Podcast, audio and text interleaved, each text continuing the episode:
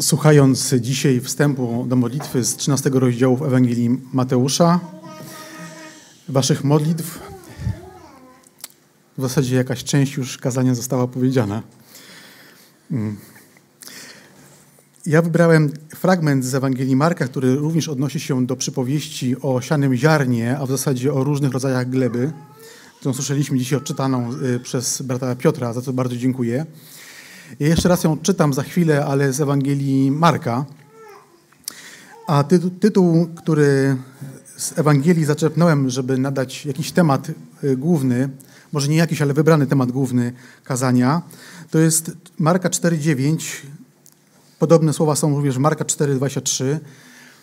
Pan Jezus mówi, kto ma uszy do słuchania, niech słucha. Wydaje się to takie oczywiste. Jeśli mamy uszy i nie jesteśmy dotknięci jakąś chorobą, no to słuchamy ale nie jest to takie oczywiste. Czwarty rozdział Ewangelii Marka to niemal w całości przypowieści. Nie tylko przypowieść o siewcy, czy przypowieść o różnych rodzajach gleby, ale także inne podobieństwa, które mają y, za zadanie pokazać ludziom, mm, o co, do czego nawiązuje Pan Jezus. I kiedy czytamy podobieństwa, Zapewne zadajemy sobie takie pytanie, ja sobie zadaję takie pytanie, nie tylko jak rozumieć daną przypowieść, ale jak dana przypowieść odnosi się do mojego życia. Czy w ogóle się odnosi do mojego życia? Czy już nie jest to przypowieść, która kiedyś się niosła i teraz już nie ma jakiegoś znaczenia większego, więc tylko dotyczy się innych. Myślę, że dobrą jest, y, dobrym zwyczajem jest, jeśli każdy fragment Słowa Bożego, który czytamy, odnosimy do siebie, bo to jest Słowo Boże, które ma poruszyć nasze serce. O tym też dzisiaj śpiewaliśmy. Modliliśmy się o to również w kilku modlitwach. Jak zatem rozważać przypowieści, jak je interpretować? To w kilku punktach zaraz powiem, jak można je rozważać. Każda przypowieść i podobieństwo to taki obraz, którym Pan Jezus chciał pokazać jakąś duchową prawdę, pokazując tą prawdę poprzez normalne życie ludzi. Na przykład to, kiedy siewca coś siał, albo rybacy łowili sieci, to wtedy też jest przepowiedź, która mówi o, mówi o tym, że zagarniali do sieci różne ryby, później one były przebierane. I to są takie normalne obrazy normalnego życia, które Pan Jezus po to mówi, żeby pokazać jakąś duchową prawdę, coś, co jest ważne dla słuchaczy. Zanim powiem e, o siedmiu zasadach, takich uniwersalnych zasadach, jak rozważać Słowo Boże, w zasadzie w kontekście przypowieści, jak rozważać przypowieści, takich siedem krótkich zasad, podam to dwa słowa na temat samemu, samego słowa przypowieść. Y, po grecku brzmi ono parabolen, czyli po polsku parabola, a oznacza dosłownie rzucać wzdłuż. Tak się je tłumaczy bezpośrednio. Ale w hebrajskim słowo y, przypowieść to maszal i ono oznacza coś więcej. Y, język grecki od y, hebrajskiego tym się różni, że hebrajski wiele słów ma bardzo wiele znaczeń, w zależności od tego, jaki jest użyte w kontekście całego zdania i myśli. Natomiast greka to jest bardzo precyzyjny język, dotyczący, można nim opisać bardzo precyzyjnie różne rzeczy. Ale to słowo maszal hebrajskie oznacza nie tylko przysłowie, ale również słowo mądrości albo też zagadkę.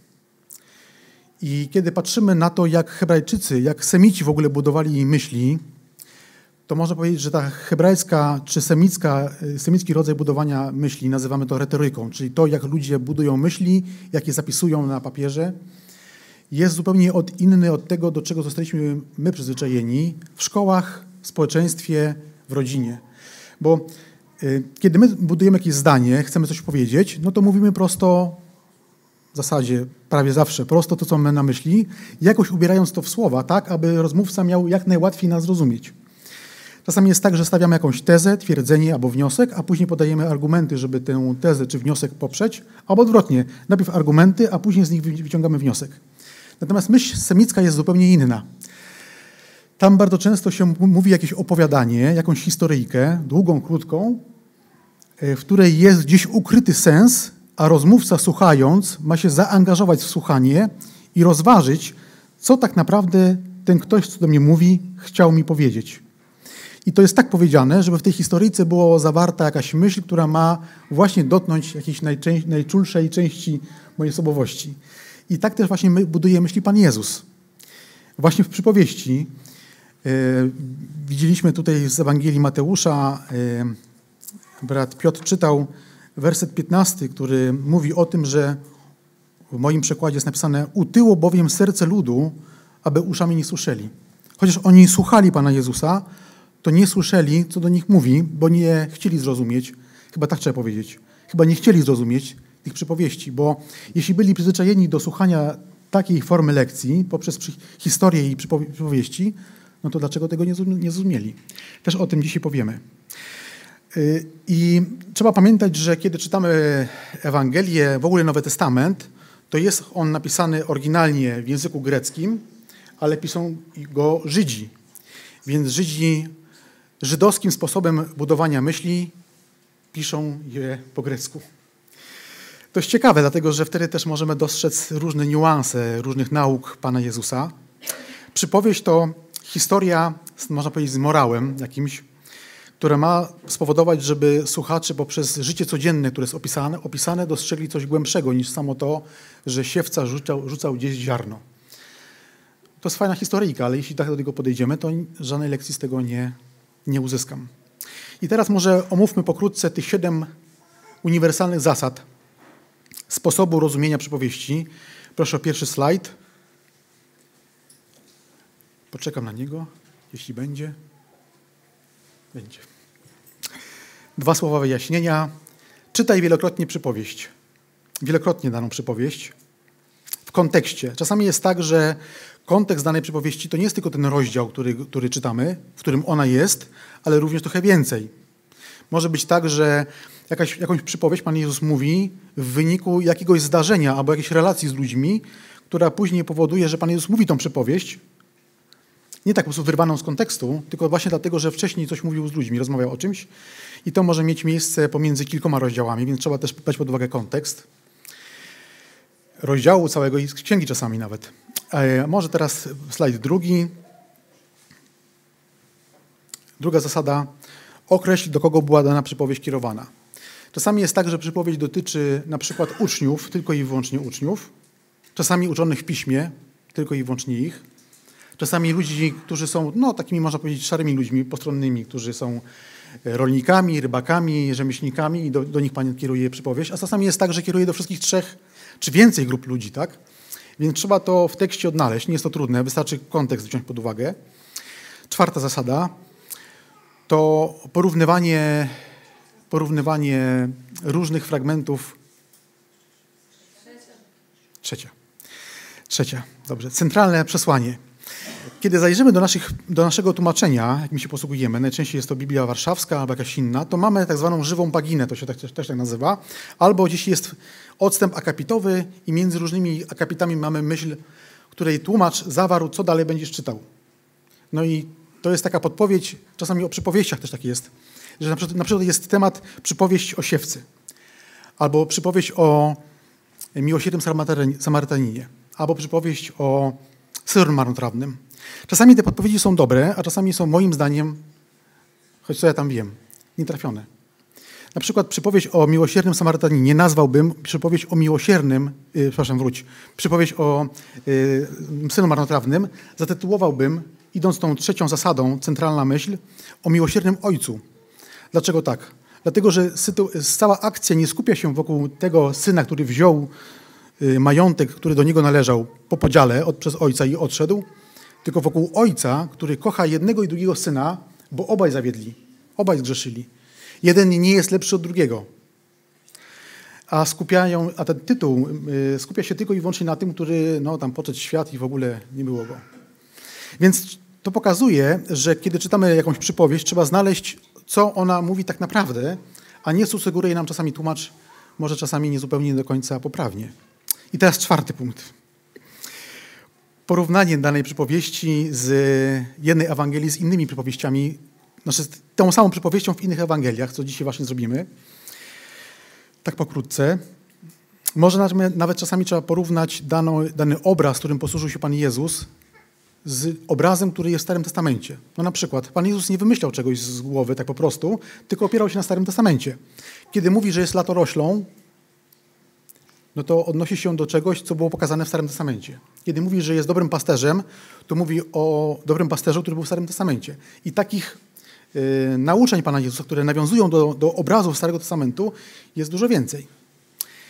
Y, piąty, piąty to posłuchaj danej przypowieści czy całego fragmentu z nagrania audio. Ja wiem, że nagrań audio nie było w czasach Pana Jezusa, ale ludzie, którzy byli przy nauczaniu, słuchali nagrań audio. Pewnym sensie, mówię w cudzysłowie. Bo kiedy Pan Jezus opowiadał daną przypowieść, to oni byli tylko i wyłącznie słuchaczami. Dlaczego tak? Dlatego, że podczas czytania czegoś na głos, to jest ważne, żeby coś czytać na głos i to rozważać, ale zgodzimy się z tym, że jednak mamy dużo większe możliwości e, rozważania jakiejś treści, jeśli tylko słuchamy, a nie angażujemy czytania, mówienia i słuchania. Zgodzimy się z tym, że więcej możemy wtedy przemyśleć? No na przykład dzisiaj może być tak, że, że kaznodzieja będzie przynudzał i, i nasze myśli niezajęte treścią gdzieś odpłyną. To jest to możliwe, jak najbardziej. Bo mamy duże moce przerobowe w głowie, a ktoś może mówić rzeczy nieinteresujące, więc wtedy odpływamy, on sobie mówi, a my jesteśmy gdzie indziej. Więc warto parę razy przesłuchać taką przypowieść na nagraniu audio. Wtedy jesteśmy jakby słuchaczami, tak pierwsi, tak jak ludzie z pierwszego wieku.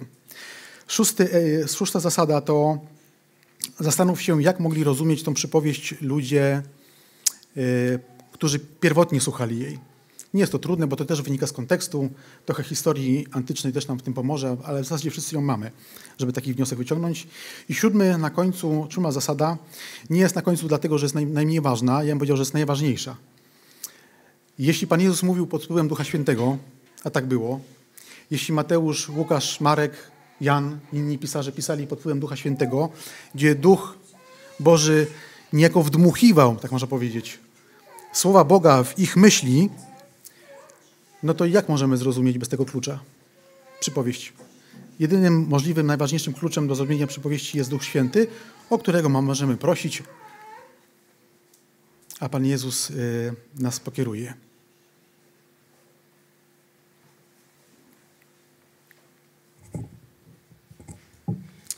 Mamy ze szysterki informację, że było za głośno. Dobrze. A teraz przejdźmy do fragmentu z Marka. Ja odszukam Marka, czwarty rozdział y, od pierwszego wersetu. Jeśli chcemy sobie podczas tego, jak będę odczytywał, porównać ten, ten fragment z innymi Ewangeliami, to możemy odszukać Mateusza, 13 rozdział. To czytał brat y, Piotr, ale możemy też odszukać Łukasza, 8 rozdział. I w Łukasza w 8 rozdziale to mamy od, od piątego wersetu. E, tak było, że Pan Jezus niektóre przypowieści zapewne powtarzał w różnych okolicznościach, dlatego też mogłoby tak być, że użył trochę innych słów. Stąd też mamy różnicę, gdzie ewangeliści zapisują nieco inaczej, ale lekcja jest ta sama. Dlatego warto je porównywać. E, Marka, czwarty rozdział od pierwszego wersetu, przeczytamy z kontekstem do 25.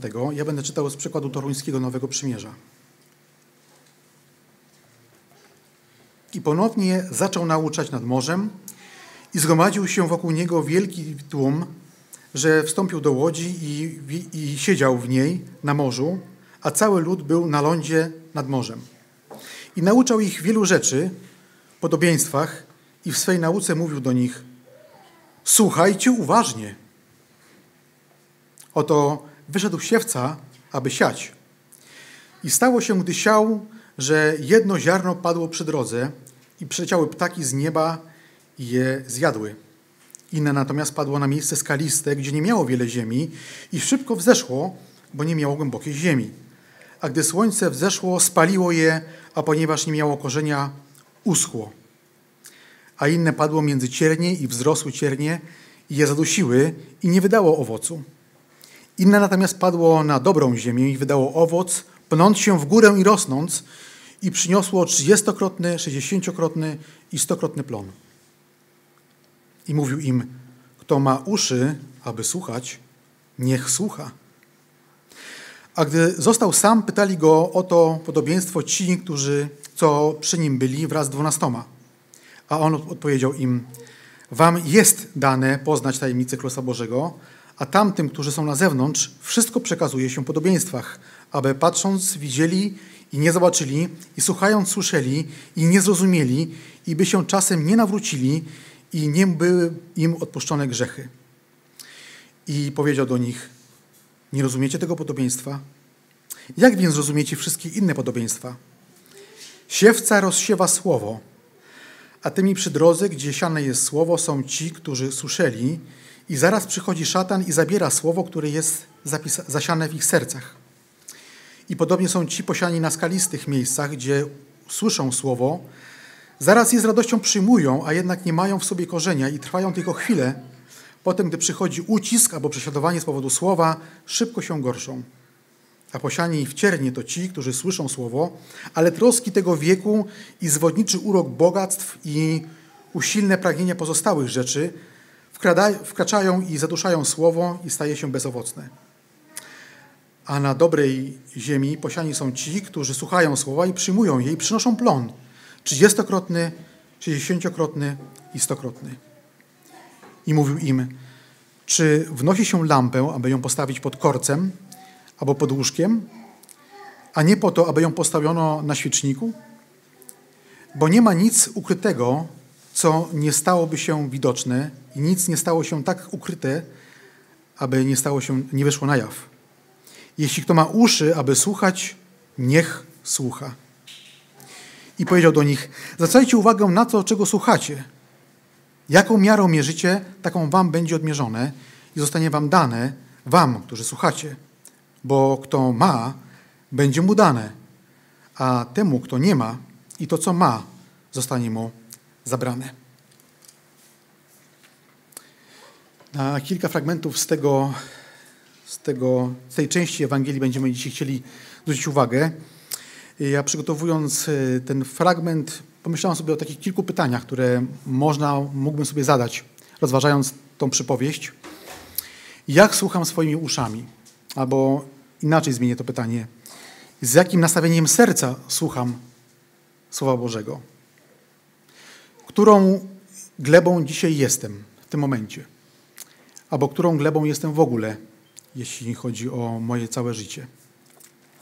Werset 29 y, i 23, tak jak wspomniałem wcześniej, są y, podstawą do tematu tego kazania. Kto ma uszy do słuchania, niech słucha. I Pan Jezus to powtarza jeszcze raz. W moim przekładzie 23 werset jest z wykrzyknikiem. Y, co prawda w greckim języku nie było wykrzykników, ale forma budowy zdania mogła proponować tłumaczowi, że tam jest wykrzyknik. To znaczy, że Pan Jezus poniósł głos to znaczy, że ważne jest to, co chciał powiedzieć, żeby słuchać uważnie. Nie tylko słyszeć, ale również słuchać. E, dlaczego w ogóle ta sentencja, kto ma uszy do słuchania, niechaj słucha? E, niektórzy komentatorzy sugerują, że mógł być to semicki idiom, który wzywał słuchaczy do słuchania. Taki ich zwrot, który, powinien, który mógłby brzmieć uważaj, mam coś ważnego do powiedzenia.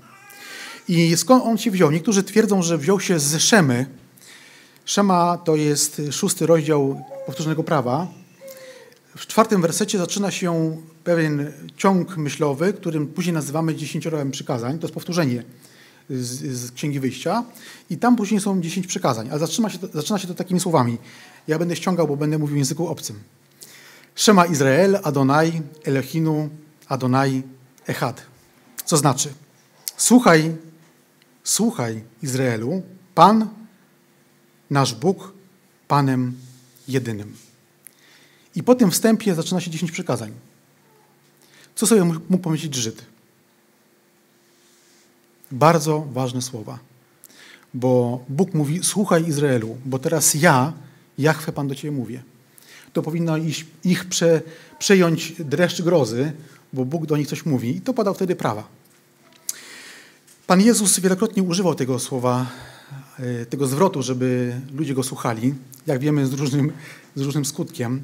Ale tak samo jest, myślę, też w naszym życiu, że to czasami mamy różne sprawy na głowie i różnie słuchamy tego, co Bóg mówi przez Słowo Boże. I Pan Jezus chciał, żeby obecność ludzi, którzy go słuchają, nie kończyło się tylko i wyłącznie na wysłuchaniu go. Niektórzy nawet tak dobrze go słuchali, że byli później zdziwieni jego nauczaniem. Kojarzymy sobie ten fragment z tak zwanego kazania na górze. Jak się kończy ten opis, to później jest mowa o tym, że, wielu, że ludzie byli zachwyceni jego sposobem nauczania. Ale czy Panu Jezusowi chodziło o to, żeby wzbudzać zachwyt? No dobrze, że go słuchali, że docenili to nauczanie, ale to nie o to chodziło. Samo wysłuchanie Pana Jezusa Bez działania nic nie dało słuchającym. Nic im nie przyniosło. Nic im nie pomogło. Uczeń Jakub pisze e, w liście takie słowa, to jest drugi list Jakuba, znaczy drugi rozdział listu Jakuba. Tam jest trochę inna myśl, ale będę chciał to połączyć, tą myśl od Jakuba z tym, co Pan Jezus mówi, aby go słuchać uważnie. W drugim rozdziale, mniej więcej od 14 wersetu do 26, Jakub pisze, że na przykładzie Abrahama podaje przykład tego, że jeśli ktoś ma wiarę, no to, to, to będzie to widać. Nie zmieni się jego wygląd zewnętrzny, ale zmieni się jego postępowanie. I pokazuje to na przykładzie Abrahama. Ja bym chciał odczytać tego fragmentu z drugiego rozdziału tylko trzy wersety. Czternasty czytamy Co za pożytek, bracia moi, jeśli ktoś powiedziałby, czyli złożył oświadczenie, że ma wiarę, a nie miałby uczynków. Powiedziałby, że ma wiarę, a nie ma uczynków. Czy taka wiara może go zbawić? I w wielu przykładach nie ma słowa, słowa taka wiara może go zbawić. Stąd też się może czasami brać takie złe zrozumienie tego fragmentu, że Jakub walczy w poglądach z Pawłem, bo Paweł mówi o wierze, która zbawia, a Jakub mówi o uczynkach, które zbawiają. Nic bardziej mylnego. Jakub pisze o wierze takiej, która nie jest wiarą zbawiającą, za którą nie będą stały uczynki, więc nie jest, byśmy powiedzieli, prawdziwa jest tylko i wyłącznie oświadczeniem ust. Ja wierzę w Pana Jezusa, ale dalej żyję swoim życiem, pełnym grzechu. No to tylko złożyłem oświadczenie, że, coś, że w coś wierzę. Jakub pisze, że jeśli tak jest, to taka wiara będzie miała dowody na to, że tak jest, bo to będzie widać po uczynkach. 18 werset i 26 odczytam.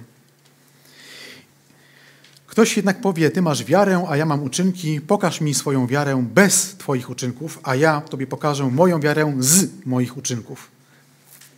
Czyli nie będzie składał oświadczenia, że wierzy, tylko pokaże swoim życiem. Albowiem jak ciało bez ducha jest martwe, tak też wiara bez uczynków jest martwa. Taki przykład podaje Jakub, że bez uczynków to tak jakbyśmy byli duszą nieżyjącą, martwi w grobie. Można mieć piękny, nowoczesny samochód, bardzo ładnie wyglądający, ale bez silnika. Z wierzchu bardzo ładnie wygląda, ale na nic się nie przyda. Taki przyszedł mi teraz do głowy obraz tej wiary. Musi coś w niej być. I chciałem teraz połączyć to, że Pan Jezus mówi: Słuchaj Izraelu, słuchaj, jeśli masz uszy, bo coś będę ważnego mówił, z tym, co powiedział Jakub o tych uczynkach. Mianowicie taki wniosek, że słuchanie musi skutkować jakimś działaniem. Oczywiście to działanie może w każdym z nas być różne, w różnym czasie, bo Słowo Boże będzie w różnym czasie działało. To nie jest tak, że wszyscy zerwiemy się na Słowo Boże i zrobimy to samo. Nie jesteśmy robotami. Różnie będzie ono z nas działało. I w różnym czasie. I różne będą owoce. Pan Jezus o tym mówi. 30, 60, 100. Tak różne są owoce. Ale zawsze jakieś będą. Jeśli ktoś wysłuchał Pana Jezusa, to zawsze jakiś owoc będzie, wcześniej czy później. Nad to przesłanie Pan Jezus także mm,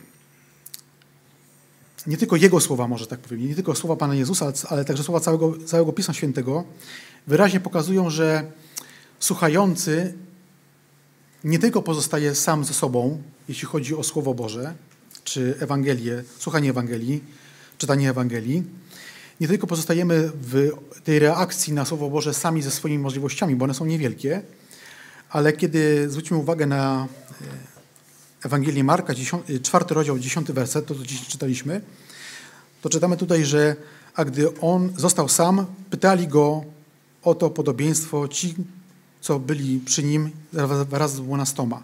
To znaczy, że Bóg jest chętny wyjaśniać to słowo, które słyszymy, a nie zawsze go rozumiemy, czy nie zawsze do nas trafia. Ważne jest jednak to, czy pozwolę, aby ta praca Boża została we mnie wykonana, czy praca tego słowa. Czy jestem gotów na to, aby Bóg dokonywał we mnie zmian. Myślę, że Ewangelia bardzo często trafia na zator serca, na zator tego symbolicznego serca. To znaczy na zator w, myśle, w umyśle człowieka. I myślę, że też jest to powodem, dlaczego ludzie się nie nawracają, słuchając Ewangelii, która jest zbawiająca. Bo jak to sobie wyobrażam? Ktoś słucha Ewangelii i słyszy, że musi się nawrócić, odwrócić do swoich grzechów, ale jeśli twierdzę, że jest mi dobrze z moimi grzechami i nie chcę ich rzuca, porzucać, bo one są przyjemne, to zamykam swoje serce. I wtedy Słowo Boże nie wykona żadnej pracy, dana osoba się nie nawróci. Czy, to może, czy taka sytuacja może zajść w sercu człowieka nawróconego? Myślę, że tak. Myślę, że jeśli słyszymy jakieś Słowo Boże, które dotyka nas y, w nowy, niespotykany do tej, do, do tej pory sposób, jakiegoś naszego przyzwyczajenia, twierdzenia, poglądu, no to możemy zrobić zator w sercu, mogę powiedzieć sobie, ja nie chcę się zmieniać, bo to, to myślę o sobie, o innych jest dobre. I wtedy Słowo Boże tej pracy nie wykona. Więc jest tak naprawdę potrzebny element ludzki, tak bym to powiedział, do tego, żeby Słowo Boże, żeby Ewangelia zrobiła pracę w sercu człowieka, czy to dziecka Bożego, czy człowieka, który jest przed nawróceniem. Dlatego Pan Jezus mówił o różnych rodzajach gleby. Czy gleba jest gotowa na to, żeby przyjąć Ewangelię, czyli ziarno i wydać owoc.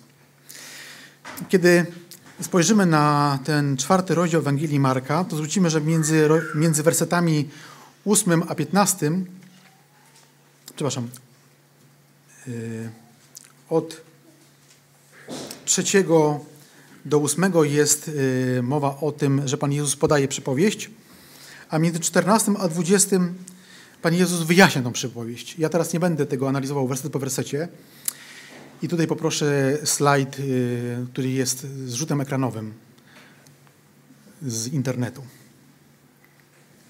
O. Gdybyś ktoś chciał usłyszeć bardzo dobrego kazania na temat tego fragmentu dotyczącego gleby i, i siania, to odsyłam do Kościoła Ewangelicznych Chrześcijan w Pszczynie, brat Tomasz Chyłka, 7 nie, 10 listopa, lipca tego roku miał to kazanie. Ja przygotowując się do tego tematu natrafiłem dzięki Bożej łasce na to kazanie i postanowiłem, że y, tym razem się nie odniosę do tego fragmentu, bo po prostu chyba zrobiłbym to nawet na pewno gorzej. Temat tego kazania, to, które brat Chyłka wygłosił, to serce przygotowane do słuchania. Zachęcam do tego. Dziękuję za slajd. A ja bym chciał się odnieść tylko do dwóch fragmentów z tego nauczania Pana Jezusa do ósmego rozdziału i dwudziestego. Ósmy i dwudziesty rozdział to mówi o tej pozytywnej glebie i plonie. I chciałem takie pytanie zadać i rozważyć. Czym jest gleba? Czym jest ta dobra ziemia, którą padło ziarno?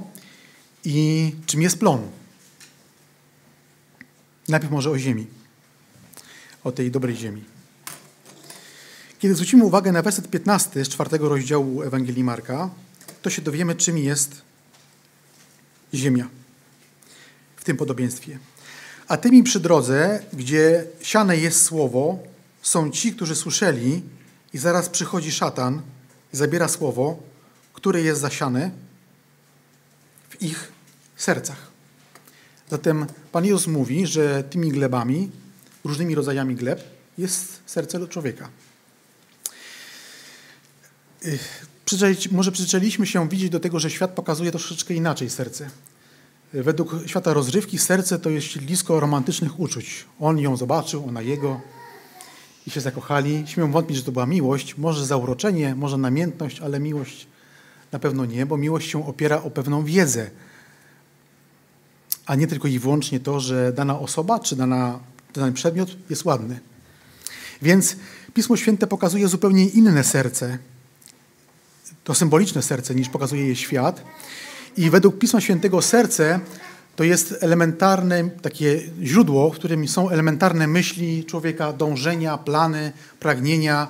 Jest to miejsce, w którym powstaje świadoma decyzja do jakiegoś działania, a później to działanie. Zwróćmy uwagę na dwa miejsca ze Słowa Bożego. Jest ich bardzo dużo, ale ja tylko dwa chcę przytoczyć. Ze Starego Testamentu jedno i jedno z Nowego Testamentu. Kiedy otworzymy Księgę Rodzaju, szósty rozdział, jest to moment, w którym Pan Bóg obserwuje ziemię przed potopem. Księga Rodzaju, szósty rozdział, piąty werset. Czytamy, a gdy Jahwe Pan widział, że wielka jest niegodziwość ludzi na ziemi i wszystkie zamysły i myśli ich serca były tylko złe. Czyli Bóg patrzy na serca ludzkie, a nie jak wyglądają. Nawet nie do końca to, to, to robią, tylko na ich serca, że wszystkie ich zamysły były tylko złe. A Mateusza 15 rozdział, 19 werset,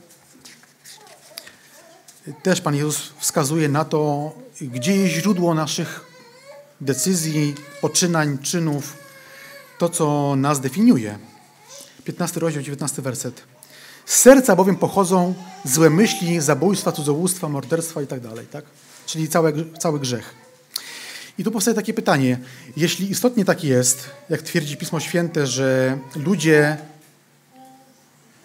biorąc pod uwagę to, co Pan Bóg mówił o ludziach przed potopem, mieli tylko złe zamysły, ich serca były pełne zła, no to powstaje pytanie, czy bardzo się różnimy od tych ludzi przed potopem.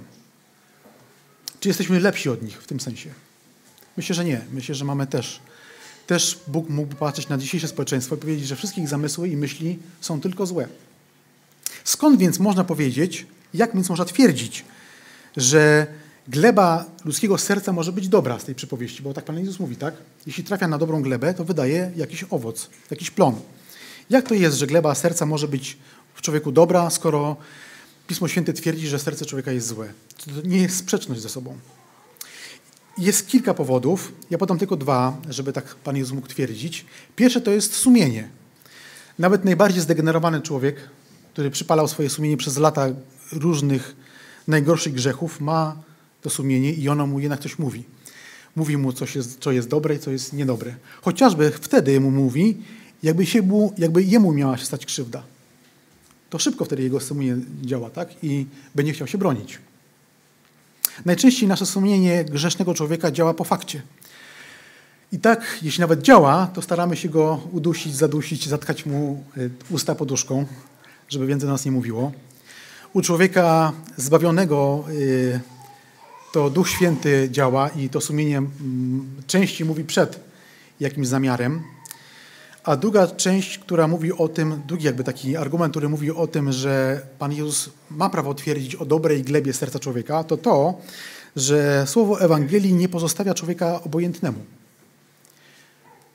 W tym sensie, że albo ktoś się na nie zamyka i mówi, nie, ja tego nie chcę, ja nie chcę, żeby była rewolucja w moim życiu, albo ktoś mówi, tak, mam już tego dość. Mam już takiego życia dość, chcę, żeby coś się zmieniło. Cokolwiek by się miało mi zmienić, Boże, weź mnie w swoją rękę i uczyń, bo ja już mam dość takiego życia. I dlatego też Pan Jezus mógł powiedzieć w, w, tym, w tej przypowieści o dobrej glebie serca, które przyjmuje Ewangelię. Bo to ziarno jest zawsze do, dobre, bo to jest Słowo Boże, to jest Ewangelia. Tak naprawdę to, czy człowiek przyjmuje Ewangelię, czy nie, otwiera swoje serce, czy nie, to jest maksimum naszych możliwości. Bo nawet jeśli tak się stanie, nawet jeśli, jeśli ktoś rzeczywiście pozytywnie reaguje na słowo Ewangelii z tej dobrej ziemi, to czy jest sam z siebie w stanie wydać dobry plon? W takim sensie, że odmieni swoje życie, rzuci grzechy i już do nich nie powróci. No wiemy, że to jest niemożliwe. Więc maksymum naszej możliwości jest to, żeby tylko zwrócić się do Boga z prośbą, z chęcią przyjęcia tego słowa, bo czytamy, że to cały czas owoc wydaje na gruncie tej ziemi, ale to owoc wydaje Słowo Boże, Ewangelia, a nie ten człowiek. Więc jest to łaska Boża, że takie serce się otwiera.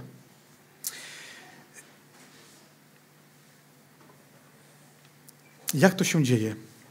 W wersecie 20, kiedy zwrócimy uwagę na werset 20 e, Ewangelii Marka, to jest ta dobra ziemia. Czytamy tutaj, że a na dobrą ziemię posiani są ci, którzy słuchają słowa i przyjmują te słowo i przynoszą plon. W języku polskim i w języku greckim jest podobny y, szyk zdania i takie same słowa. Mianowicie, kiedy się przyjrzymy pod względem gramatycznym, jestem przekonany, że to nie jest przypadek, że Pan Jezus mówi tutaj y, w formie takiej niedokonanej. To się dzieje cały czas. Cały czas słuchają, cały czas przyjmują i cały czas wydają plon. Czyli to nie jest jednorazowo, że ktoś się nawraca i dalej może żyć jak chce. Uczeń Chrystusa jest zobowiązany do tego, żeby cały czas utrzymywać glebę swojego serca w dobrym stanie, bo jeśli tego nie robię, to szybko się zachwaszcza, utwardza, tworzą się drogi utwardzone, przychodzą zwierzęta, które mogą wydziobać kolejne słowa prawdy. Więc y, nie ma czegoś takiego jak jednorazowe nawrócenie, a później mogę żyć swoim życiem, bo już mi Bóg przyjął. Trzeba o tą glebę dbać cały czas, bo Bóg cały czas przemawia do mojego serca. Dlaczego tak jest? Dlatego, że celem naszym jest Chrystus. Jeśli mam mieć usposobienie Chrystusa, no to nie mam go w momencie nawrócenia. Jeszcze daleka, daleka droga do tego usposobienia. Więc będzie Bóg cały czas chciał przekazywać słowo Ewangelii do naszego serca. I aby to się mogło dziać, aby się to serce mogło przemieniać, muszę trwać w takim stanie gotowości na przyjęcie słowa. Jak to zrobić? Oddać się do dyspozycji woli Ducha Świętego. Ale co to znaczy oddać się do dyspozycji? Można powiedzieć, żebym, ja bym to tak ubrał w słowo, że jest to wewnętrzna, świadoma decyzja i prośba do Boga, żeby Bóg mnie przemieniał. A kiedy zobaczę, że to robi, a najczęściej to boli, przynajmniej mnie to boli, bo muszę porzucić coś, co lubię, coś, co jest mną, a Bóg pokazuje, że jest to zupełnie niepotrzebne i może prowadzić to do grzechu, bo jest grzechem. Ale jeśli wyrażam tą świadomą decyzję, że Bóg mnie przemieniał przez, przez swego ducha, no to wtedy jestem w stanie gotowości dobrej gleby do przemian, które będą cały czas dokonywane. Zatem kluczowym elementem wzrostu tej dobrej gleby jest to, jak się ona otwiera na Ewangelię. Jak się otwiera naprawdę Ewangelii. Prawda Ewangelii to też takie hasło, można powiedzieć, yy, którego czasami używamy, ale dzisiaj już o nim czytaliśmy. Gdy otworzymy list do Kolosan, pierwszy rozdział, to dzisiaj z tego fragmentu brat Sławek czytał na wstępie i piąty werset mówi tak. Z powodu nadziei, chodzi o nadzieję, nadzieję naszą, która jest w Chrystusie, która jest odłożona dla was w niebiosach, o której wcześniej słyszeliście w słowie prawdy Ewangelii. Ja mam tak napisane. Niektóre przykłady to dają w ewangelicznym słowie prawdy. Co jest prawdą w Ewangelii? Znaczy, tam jest wiele prawd, ale taką podstawową, którą musi przyjąć grzesznik, żeby otworzyć swoje serce na Słowo Boże. Taką podstawową prawdą jest to, aby przyznać się przed samym sobą, że jestem grzesznikiem i zasługuję na Bożą karę. Zasługuję na Boże potępienie. I tak naprawdę, bez względu na to, czy jestem zbawiony, czy nie, to gdyby nie, gdyby nie Chrystus, to cały czas jestem potępieńcem. Bo jeśli bym się go wyrzekł, to wracam do punktu wyjścia, może nawet gorzej. Dlatego to jest, myślę, jedna z podstawowych prawd najtrudniej, najtrudniej do przyjęcia dla człowieka. Przyznać się przed samym sobą, że jestem niegodny Bożego uznania i nigdy nie byłbym godny, gdyby nie działanie Ducha Bożego. Gdyby nie to, że Bóg pomaga mi otwierać serce. I teraz chciałbym te dwie rzeczy złożyć w całość. Bo powiedziałem wcześniej, że serce musi otworzyć człowiek i jest to ludzkie dzieło, a teraz twierdzę, że serce otwiera Duch Święty. Jak to się dzieje? Jak to można pogodzić? Otóż pewnie nieraz słuchaliśmy różnych świadectw. I ludzie mówili, że zaczęli wołać do Boga w różnym etapie swojego życia, uważając, że jest to dno, do którego doszli. I te dno może być różne. Niektórzy na przykład mieli dno w nałogach, tak? I zaczęli do Boga wołać. Ale inni mieli inne, inne swoje dno. Właśnie nie. Wręcz przeciwnie, mieli wielkie powodzenie, może nawet materialne w życiu, wszystko im się udawało, ale było bez sensu. Było bezcelowe. To było ich dno. Pan Bóg wie, jakie jest dno człowieka i można powiedzieć, tak czasami, e, nawet zawsze, powoduje sytuację, klimat wokół człowieka, żeby mu ułatwić tą decyzję, jaką jest otworzenie serca na Ewangelii. Faraon też miał taką możliwość. Mówię o tym faraonie, który wypuścił, a później nie wypuścił narodu izraelskiego. Zobaczmy, ile razy Bóg tworzył wokół niego atmosferę, żeby on się nawrócił, tak jak Nebukadnezar na przykład. Dziesięć plag. Ostatnia była rujnująca. Stracił własne dziecko. To jest dno, w którym należy wzywać żywego Boga, ale jemu nie wystarczyło. To dlatego czytamy, że Bóg zatwardził jego serce. Bóg wiedział, że ten człowiek, pomimo tych różnych okoliczności, które będzie Bóg wokół niego budował, żeby on się nawrócił, to on i tak, widząc, że Bóg chce go zmieniać, nie będzie na to pozwalał. Niestety są takie jednostki, które tak będą postępować. Nie wiemy kto. Więc nie możemy tego z góry powiedzieć. Dzięki Bogu nie jest to naszą domeną, ale widzimy, że Bóg za każdym razem, kiedy bierze grzesznika w swoje ręce i chce, żeby Ewangelia do niego trafiła, to stwarza możliwości, żeby on zrobił ten jeden mały krok. Otworzył swoje serce na Ewangelię. Stąd też naszym zadaniem jest ciągle świadczyć o Ewangelii. Bo może takich prób będzie więcej, nie tylko jedna. Może wiele, może lata. Ale tak samo jest, tak samo jest myślę z nami. Czasami jest tak, że mogę na miesiące, tygodnie utkwić czymś w sobie, z jakimś poglądem, do którego Bóg się dobiera, ale ja nie chcę. Zamykam się cały czas i Bóg na różne sposoby stara się dotrzeć do tego poglądu, do tego rozmyślania, które jest we mnie, stwarzając sytuację, może wypowiedzi współwyznawców, może kazanie, może fragment Pisma Świętego, które ma spowodować, żeby moje serce się otworzyło na kolejną przemianę, na kolejny krok do Chrystusa. Y, parę razy już, już cytowałem takiego ewangelistę, komendatora Fergusona, który w komentarzu do Ewangelii Marka, do tego fragmentu, napisał moim zdaniem takie bardzo mocne słowa o pracy Boga nad człowiekiem. Cytuję, cytuję. Stajemy się dobrą glebą jedynie z łaski Bożej, kiedy nasze serce zostaje rozorane. Kiedy mówimy rozorane, to sobie kojarzymy, że to wygląda no jak takie rozorane mięcho, tak? Ale gdyby tak przejść do y, tego, co robi rolnik, to rolnik się nie obchodzi z ziemią delikatnie. Bierze twarde, ciężkie narzędzie stalowe i, i po prostu można powiedzieć, że niszczy tą ładnie zasianą trawkę, czy tam załóżmy jakiś ugór, który został. Przewraca ją do góry nogami, tak? bo inaczej ziarno nie wyda plonu. Podobnie też Bóg czasami musi człowieka rzucić na kolana, jego serce rozorać, żeby ono było gotowe przyjąć dobrą nowinę. I mimo to czasami nie jest gotowe, jak pokazuje przykład faraona. Otwartość serca na słowo Ewangelii to jest dzieło Boże i dzieło człowieka i możemy dziękować Bogu, że to jest tylko po części dla nas zrozumiałe, bo resztę należy do Pana Boga. Konieczne jest, aby każdy grzesznik zawsze był gotowy na to, żeby je przyjąć, no bo tylko tak będzie, będzie mógł wydawać plon. Y, dla ucznia Chrystusa też jest ważne, żeby to serce było gotowe do przyjmowania Ewangelii, bo nasze podążanie za Panem Jezusem to nie wpatrywanie się Pana Jezusa stojąc w miejscu, tylko chodzenie za Nim, podążania do Niego coraz bliżej. I jeśli Duch Święty ma kształtować moje serce, to muszę być gotów na to, że to będzie bolało. Czasami, e, czasami może spowoduje jakieś zawstydzenie, bo tak też jest.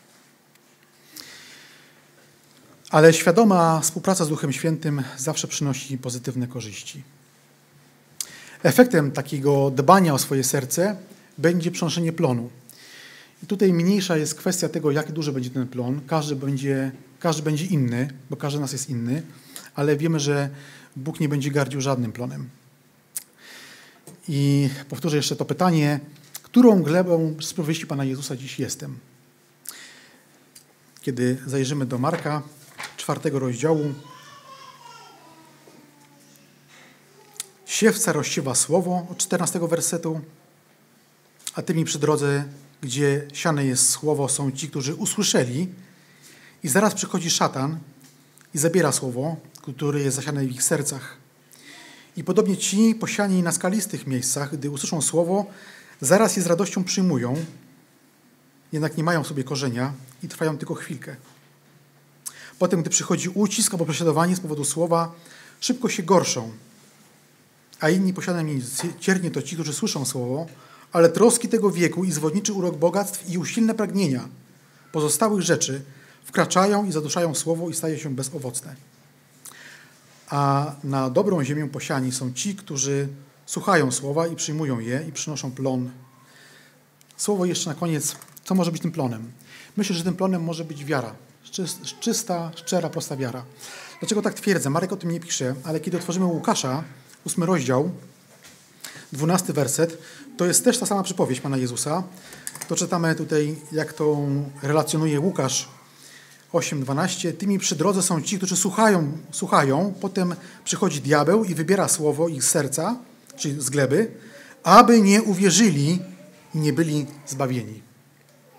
Tutaj wracam do listu Jakuba, drugiego rozdziału, 14 do 26 wersetu, gdzie czytaliśmy o tym, że jeśli jest ta wiara, to też będą widoczne owoce. Czyli będzie owocowanie z tej wiary. Którą glebą z powieści Pana Jezusa jestem? Amen.